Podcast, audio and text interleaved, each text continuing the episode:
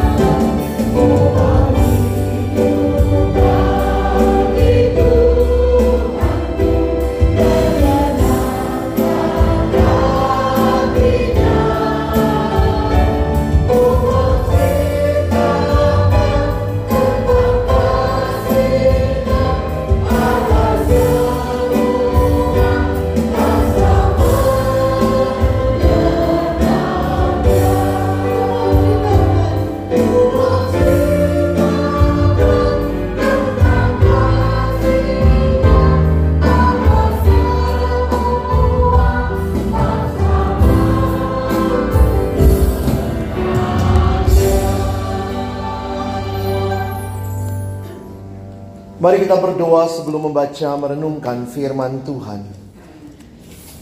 在还没有听到之前，让我们同心祷告。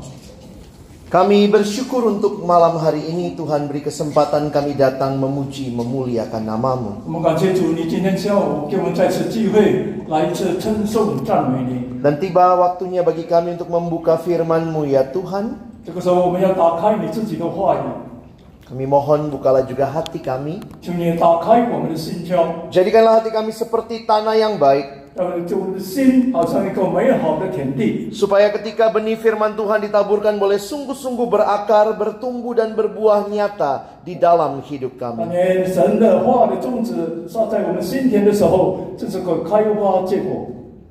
Berkati yang menyampaikan, yang menerjemahkan semua kami yang mendengar 师傅凡讲的、翻的、听的， Tolong kami bukan hanya jadi pendengar firman yang setia, 求你帮助我们，不当成一个忠心的听道者。 tapi mampukan dengan kuasa rohmu yang kudus kami dimampukan menjadi pelaku-pelaku 圣灵 firman 帮助我们成为一个行道的人。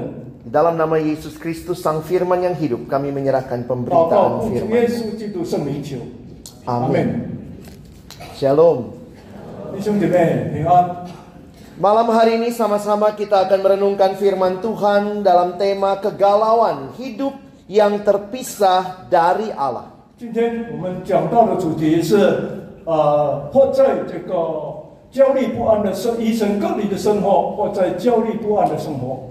Kita bersama-sama membuka Yeremia pasal yang ke-17 ayat 5 sampai dengan ayat yang ke-8. 我们要看一处的经文，就是耶利米书第十七章， 我们要从第五节看到第八节。 Saya akan membacakan terlebih dahulu dalam bahasa Indonesia Yeremia 17 ayat 5 sampai 8. 耶利米书十七章，我们从十第五节看到第八节。 Beginilah firman Tuhan, terkutuklah orang yang mengandalkan manusia, yang mengandalkan kekuatannya sendiri dan yang hatinya menjauh daripada Tuhan. Ia akan seperti semak bulus di padang belantara. ia tidak akan mengalami datangnya keadaan baik. Ia akan tinggal di tanah angus di padang gurun, di negeri padang asin yang tidak berpenduduk. Diberkatilah orang yang mengandalkan Tuhan, yang menaruh harapannya pada Tuhan. Ia akan seperti pohon yang ditanam di tepi air, yang merambatkan akar-akarnya ke tepi batang air,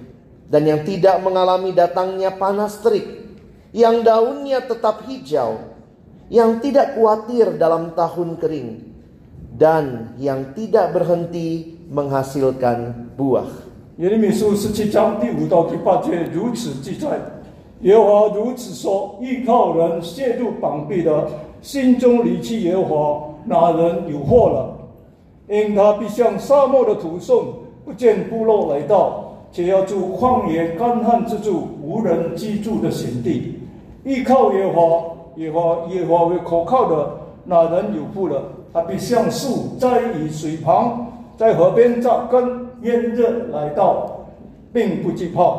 叶子人必青翠，在干旱之年毫无挂虑，并且结果不止。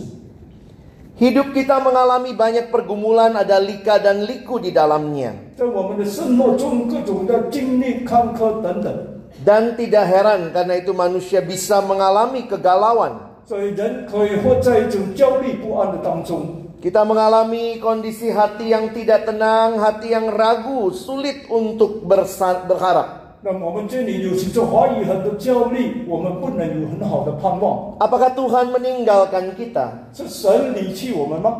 Tidak, Dia Allah yang selalu hadir dalam hidup kita. 不，他是永远与我们同在的神。 Kalau begitu masalahnya di mana, saudara? 这问题在哪里呢？ Kenapa kita sulit mengalami, merasakan kehadiran Tuhan yang memberikan ketenangan itu? 怎么样？我们为什么很难去经历那个神与我们同在那种平安呢？ Karena mungkin kita yang sedang menjauhkan diri dari Allah atau seperti tema kita, kita hidup terpisah dari Allah. 或者我们在眼里时候，在针对我们主题，我们与神隔绝。 Hidup Israel, walaupun mereka mengenal Tuhan, mereka menyembah Tuhan, beribadah kepada Tuhan, tetapi mereka tidak mengalami Tuhan. 但以色列神虽然认识神、敬拜神，但是他们没有经历神。 Di dalam ibadah mereka hanya terjadi ritual. Tapi di dalam keseharian mereka ada berhala-berhala lain yang mereka lebih percaya. Itu yang saudara bisa lihat di dalam bagian bacaan kita kalau kita naik sedikit ayat 1 sampai dengan ayat 4 dalam Yeremia 17 tadi. Tidak heran hidup yang di dalamnya menyembah berhala pasti akan mengalami kegalauan. Karena berhala untuk sementara waktu memberikan yang dibutuhkan, tetapi kemudian kita kehilangan dan merasa kosong.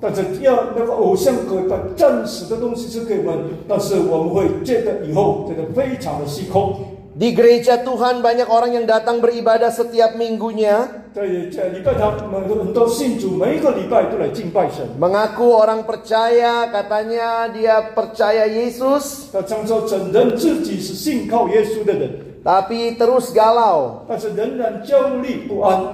Karena kita tidak mengalami kehadiran Tuhan yang kita sembah setiap minggunya.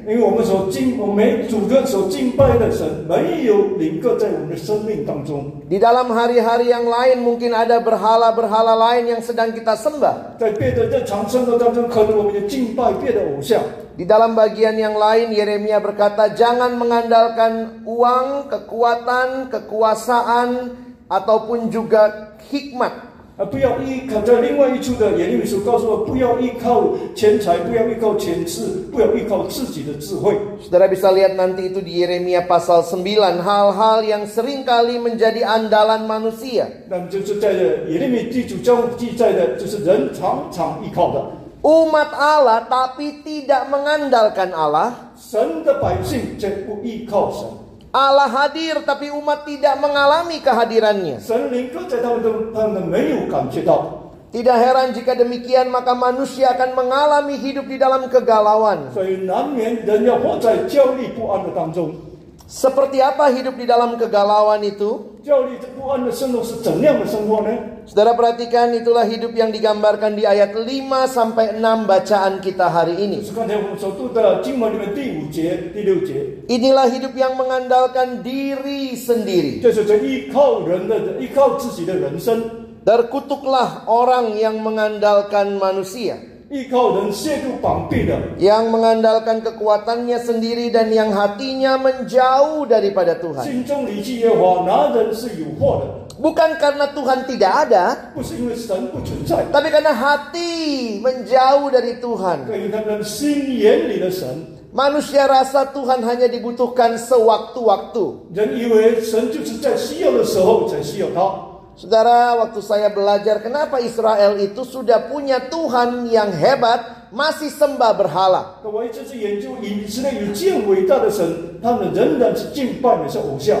Dosen perjanjian lama saya cerita begini, saudara. 我的就业的讲师告诉我， Allah Israel dikenal oleh mereka sebagai Allah pemimpin perang. 那以色列神，以色列人所认识的神是带领他们战斗的神。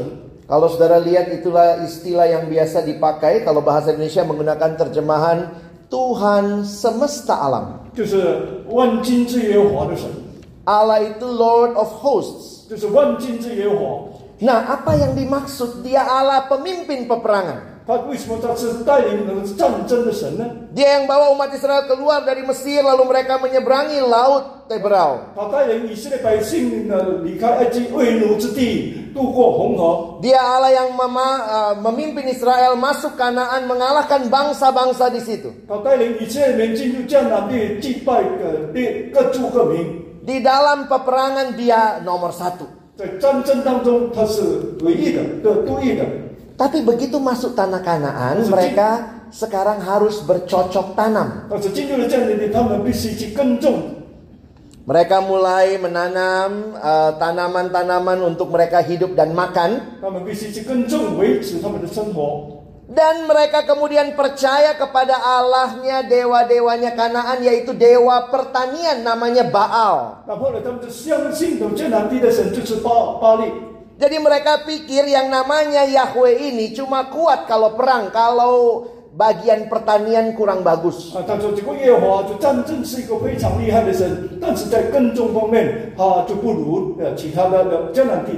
Karena itu kalau saudara lihat kan apa kurangnya Israel. Sudah dipimpin Allah lihat perkara-perkara besar yang Allah lakukan masih sembah berhala lain.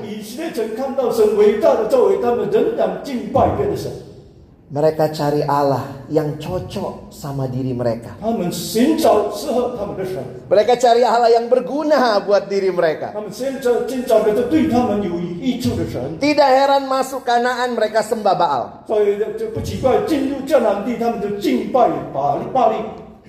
Dan di dalam bagian ini diingatkan kembali oleh Nabi Yeremia. Yeremia bahwa mereka sedang mengandalkan yang bukan Allah, bahkan mengandalkan diri mereka sendiri. Saudara yang dikasihi Tuhan tidak mudah percaya itu ya. Unik sekali kita orang Kristen disebut dalam bahasa Indonesia kita dibilang orang percaya.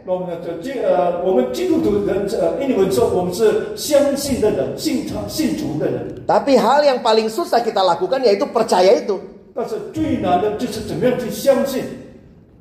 Kata mengandalkan Tuhan dalam bahasa aslinya dipakai kata percaya. Dan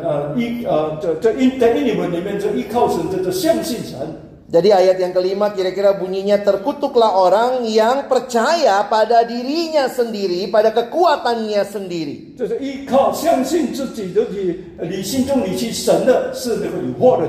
Dunia sih bilangnya kita harus pede ya, percaya diri. Tapi firman Tuhan bilang jangan pede, mesti PT, percaya Tuhan. Hati-hati kalau kita kepedean, saudara.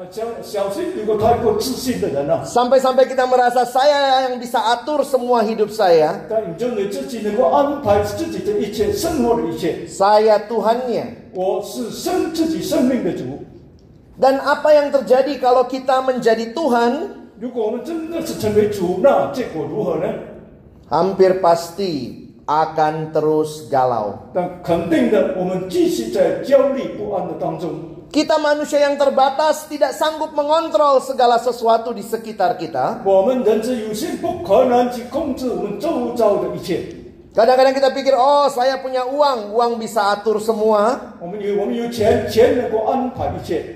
tapi ternyata tidak bisa juga galau lagi. Kadang orang berpikir, oh saya cukup pintar, saya bisa memikirkan begini dan begitu, oh saya tidak mungkin galau.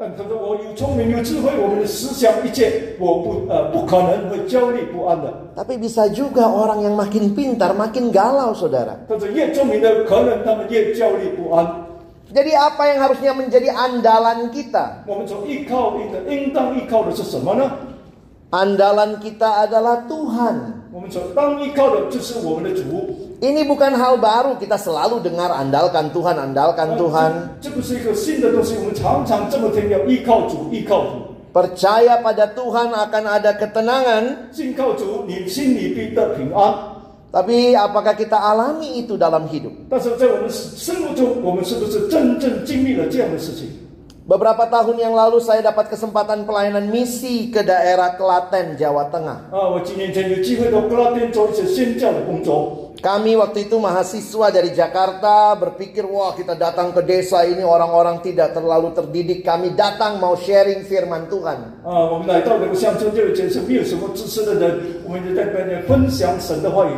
Kita datang ke satu desa yang agak masuk ke dalam cukup terpencil. Kami dari Jakarta 10 orang mahasiswa pintar-pintar mau cerita Injil kepada mereka.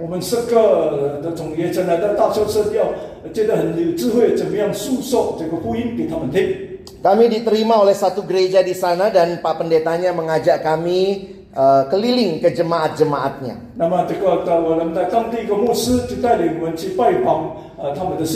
Ada satu kunjungan yang sangat berkesan bagi saya.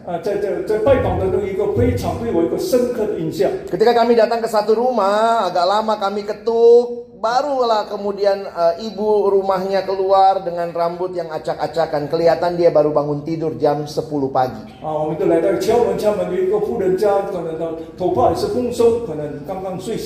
Wah, kami diterima. Mari masuk, Pak. Silakan gitu ya.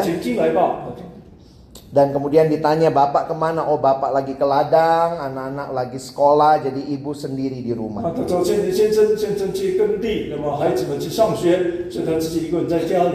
Orang di desa itu sangat ramah ya, kami langsung dijamu, dikasih uh, apa ya, um, apa yang dia punya dia keluarin, dia goreng singkong, lalu kemudian kita makan dan kita minum teh manis. Nah,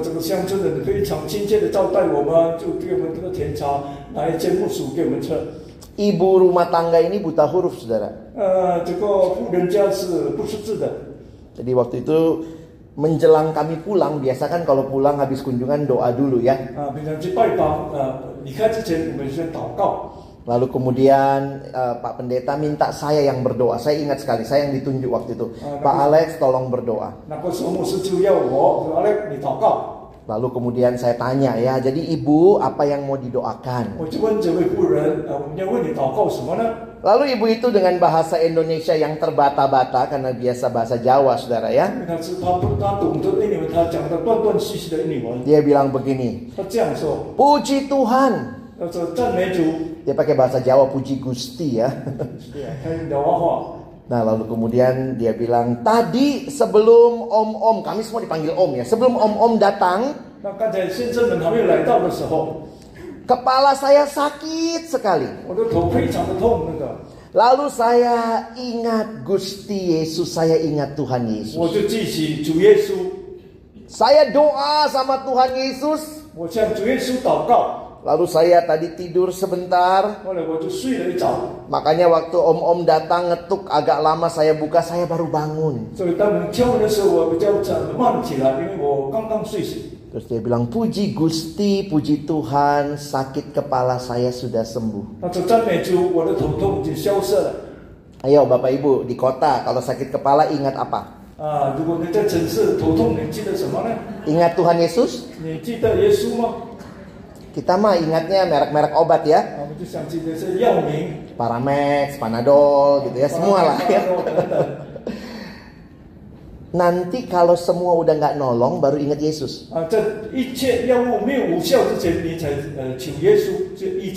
Panadol merah udah, udah nggak cukup, nggak bisa. Aduh Tuhan, sakit kepala, baru ingat Yesus. Panadol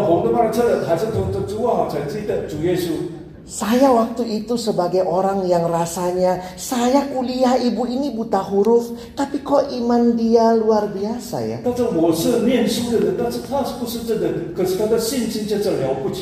Bukan berarti kita nggak butuh obat saudara. Tapi jangan-jangan obat sudah membuat kita jadi lupa Tuhan, lebih percaya obat.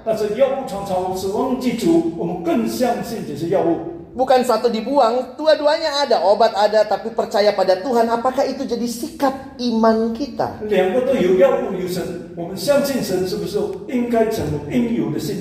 Hari itu saya yang datang dari Jakarta mau berbagi kepada orang yang bodoh-bodoh. Ternyata saya yang pulang dapat berkat dari iman yang sederhana.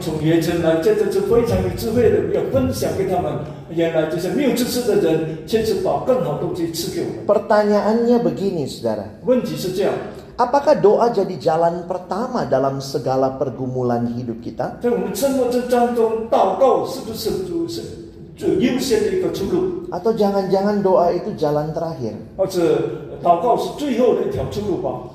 Kalau saudara dan saya percaya kepada Tuhan mengandalkan dia, maka kita datang di dalam doa kepada dia.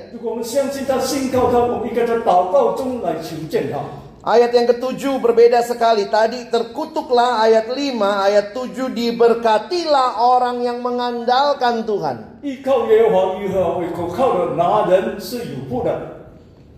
Dua gambaran sebenarnya dipakai di ayat 6 dan ayat 8. 啊，在这个第六节、第六八节、呃第六这个第八节有两种不同的话题。 Orang yang mengandalkan kekuatannya sendiri itu gambarannya seperti semak bulus di padang belantara. 那是依靠自己的人，好像沙漠的土虫， Itu gambaran kematian. 这是这个死亡的一种画面。 Tidak akan mengalami datangnya keadaan baik, tinggal di, pad- di tanah angus, di padang gurun, di negeri asin yang di, di negeri padang asin yang tidak berpenduduk. 不见部落打捞，且要住旷野干旱之处，无人居住的险地。 Ini gambaran kematian. 这个叫死亡的画面。 Tetapi orang yang mengandalkan Tuhan, lihat gambarannya gambaran kehidupan. 但是我们看到怎么样依靠神的人，他的画面是一个活生生的画面。 Dia akan seperti pohon yang ditanam di tepi air. 它必像树栽于水旁， Yang merambatkan akar-akarnya ke tepi batang air. 在河边扎根。 kalau saudara tahu konteks Palestina yang sangat gersang, maka melihat batang air itu ada pohon-pohon yang biasanya terus merambatkan akarnya begitu rupa ke batang-batang air itu.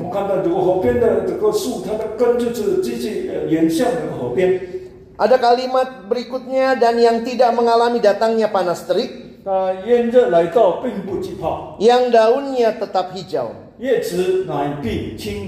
Sampai situ sih indah ya. Wow, ini gambaran kehidupan daunnya hijau.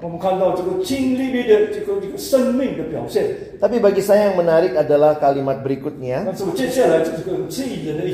yang tidak khawatir dalam tahun kering. 在干旱之年毫无挂虑， Apakah berarti orang yang mengandalkan Tuhan tidak alami masalah hidup? 难道说依靠神的人不可能有呃是人的生活的问题吗？ Sama seperti pohon yang mungkin akan melewati tahun-tahun masa kering, 但可能是像树要经过经历到干旱的时期， tetapi mengalami ketenangan karena percaya Allah hadir. 但是因为有这个神的同在，心里就有平安。 Inilah yang Tuhan ingatkan pada kita malam hari ini. Di tengah-tengah pergumulan Bapak Ibu Saudara dan saya. Sebagai orang-orang yang mau mengandalkan Tuhan. Jangan pikir hidup tanpa masalah. Tapi hidup yang bisa tenang tidak galau karena ada Tuhan yang hadir menyertai hidup. Karena itu saudara datang ke tempat yang tepat ketika saudara punya pergumulan hidup. Datang kepada Tuhan. Datang ibadah kepadanya. Datang berdoa di hadapannya. Seringkali ketika hidup punya banyak pergumulan. Kita datang, kita berharap situasinya berubah. Tapi kadang Tuhan tidak ubah situasinya, saudara ya. Tapi yang mungkin Tuhan sedang ubah adalah diri saudara dan saya Ketika papa saya kena kanker prostat stadium 4, 当我的父亲呃患上了这个前列腺的这个癌症前列腺第四期的时候， peristiwa itu 8 tahun yang lalu, 那是 9 八年 tahun. 前的事， Iya, galau. 那心里非常焦虑。 Waktu itu saya mau menikah, saudara. 呃，当时我刚呃准准备结婚， Jadi dengan kondisi seperti itu ya galau. Gimana ini? Harus pengobatan papa, sementara harus persiapan pernikahan. 那么一面要医治父亲的病，另外一面要预备自己的婚礼。 Lama saya bergumul di hadapan Tuhan. 我在神面前挣扎了一呃一段相当长的时间。 Saya bilang Tuhan, saya mau papa saya ada waktu saya menikah. 我说主啊，在我结婚的时候，我希望爸爸还健在。 memang kalau lagi punya pergumulan itu ya makan juga jadi malas saudara. Makanya kayaknya doa sama puasa itu pasangan baik ya. Kalau lagi punya pergumulan doanya bisa lama, makan nggak rasa tuh, nggak pengen makan malah.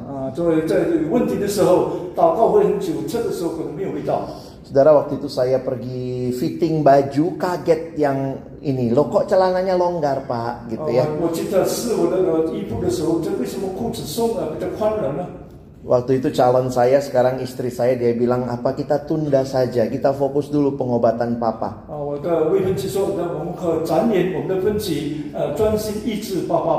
Tapi saya bilang ya kita nggak tahu juga. Tuhan kasih waktu berapa lama. Oh, Terus dalam pergumulan itu akhirnya saya menikmati Tuhan menjawab doa.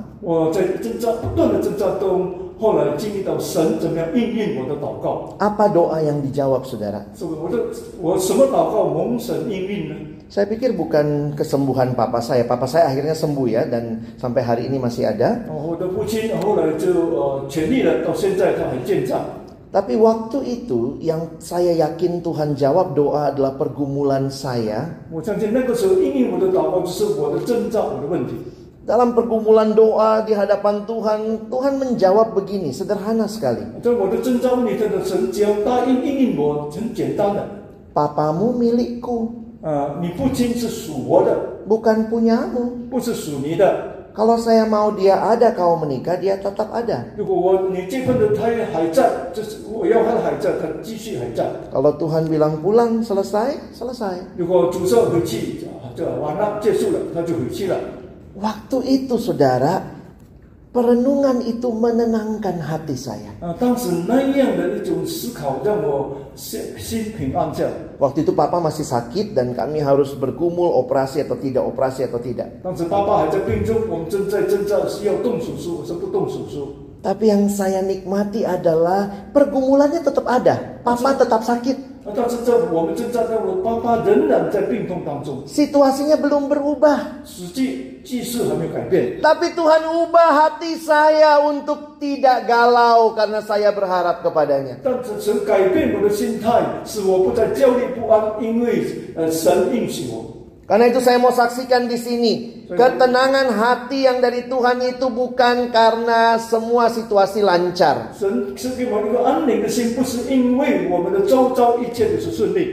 Mari datang dan percaya kepada Tuhan, andalkan Dia. Tinggalkan hidup yang penuh kegalauan. 理气那些焦虑不安的生活。 Hidup yang terus kita pegang. Kadang-kadang kita rasa sayalah Tuhannya. Ini cara saya, ini yang harus saya lakukan. 那常蒙这这这就是我应该做，这是我的人生。 Mari belajar berserah kepada 但 Tuhan. 是学习怎么样交托给神。 Galau itu bukan karena nggak ada masalah atau ada masalah sebenarnya, 焦 saudara 虑 ya. 不安不是因为有问题，而是没有问题。 Orang nggak ada masalah pun bisa galau terus. 没有问题的人和仍然活在 焦虑不安的当中。 Kalau uang misalnya menguasai, nanti dia terus pikirnya, bagaimana lagi dapat cian banyak, cian banyak, banyak, banyak, banyak. Galau juga hidup itu. 如果钱控制了他，他就是想怎么样的，怎怎怎么样的，他的生活仍然在焦虑不安当中。 Tapi ketika Tuhan hadir, 当神临个的时候， kadang nggak ada masalah, kadang ada masalah. 有时有问题，有时没有问题， Tapi hati kita bisa tenang 但是我们心能够安定下来， karena Dia hadir dan Dia menyertai. 因为他以临个在我们，与我们同在。 Ayat tadi sangat berkesan bagi saya. 刚才的经文对我非常的有感受。 Yesus berkata, "Marilah kepadaku semua yang letih lesu dan berbeban berat. 把劳苦当中当回到我这里来， Aku akan memberikan kelegaan." 我就 padamu." 使你们得安息。 Maukah saudara datang kepada Tuhan 来来到神的面前吧。 malam ini di hadapan Dia. Mari rendahkan diri. Kita yang mungkin sudah mulai ragu-ragu sama Tuhan, malam ini percaya lagi kepada Dia. Kita yang mungkin sudah berdoa lama untuk satu hal, Tuhan belum ubah situasinya. Mungkin tapi apakah saudara tetap percaya dia Tuhan yang baik? Dan dia memberikan damainya di hati kita.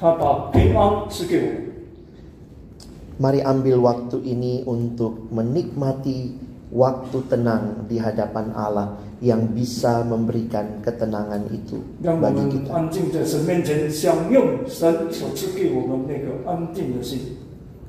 Mari kita perlahan-lahan jika bisa berlutut Bapak Ibu sekalian, mari kita akan masuk dalam waktu tenang berdoa di hadapan Tuhan.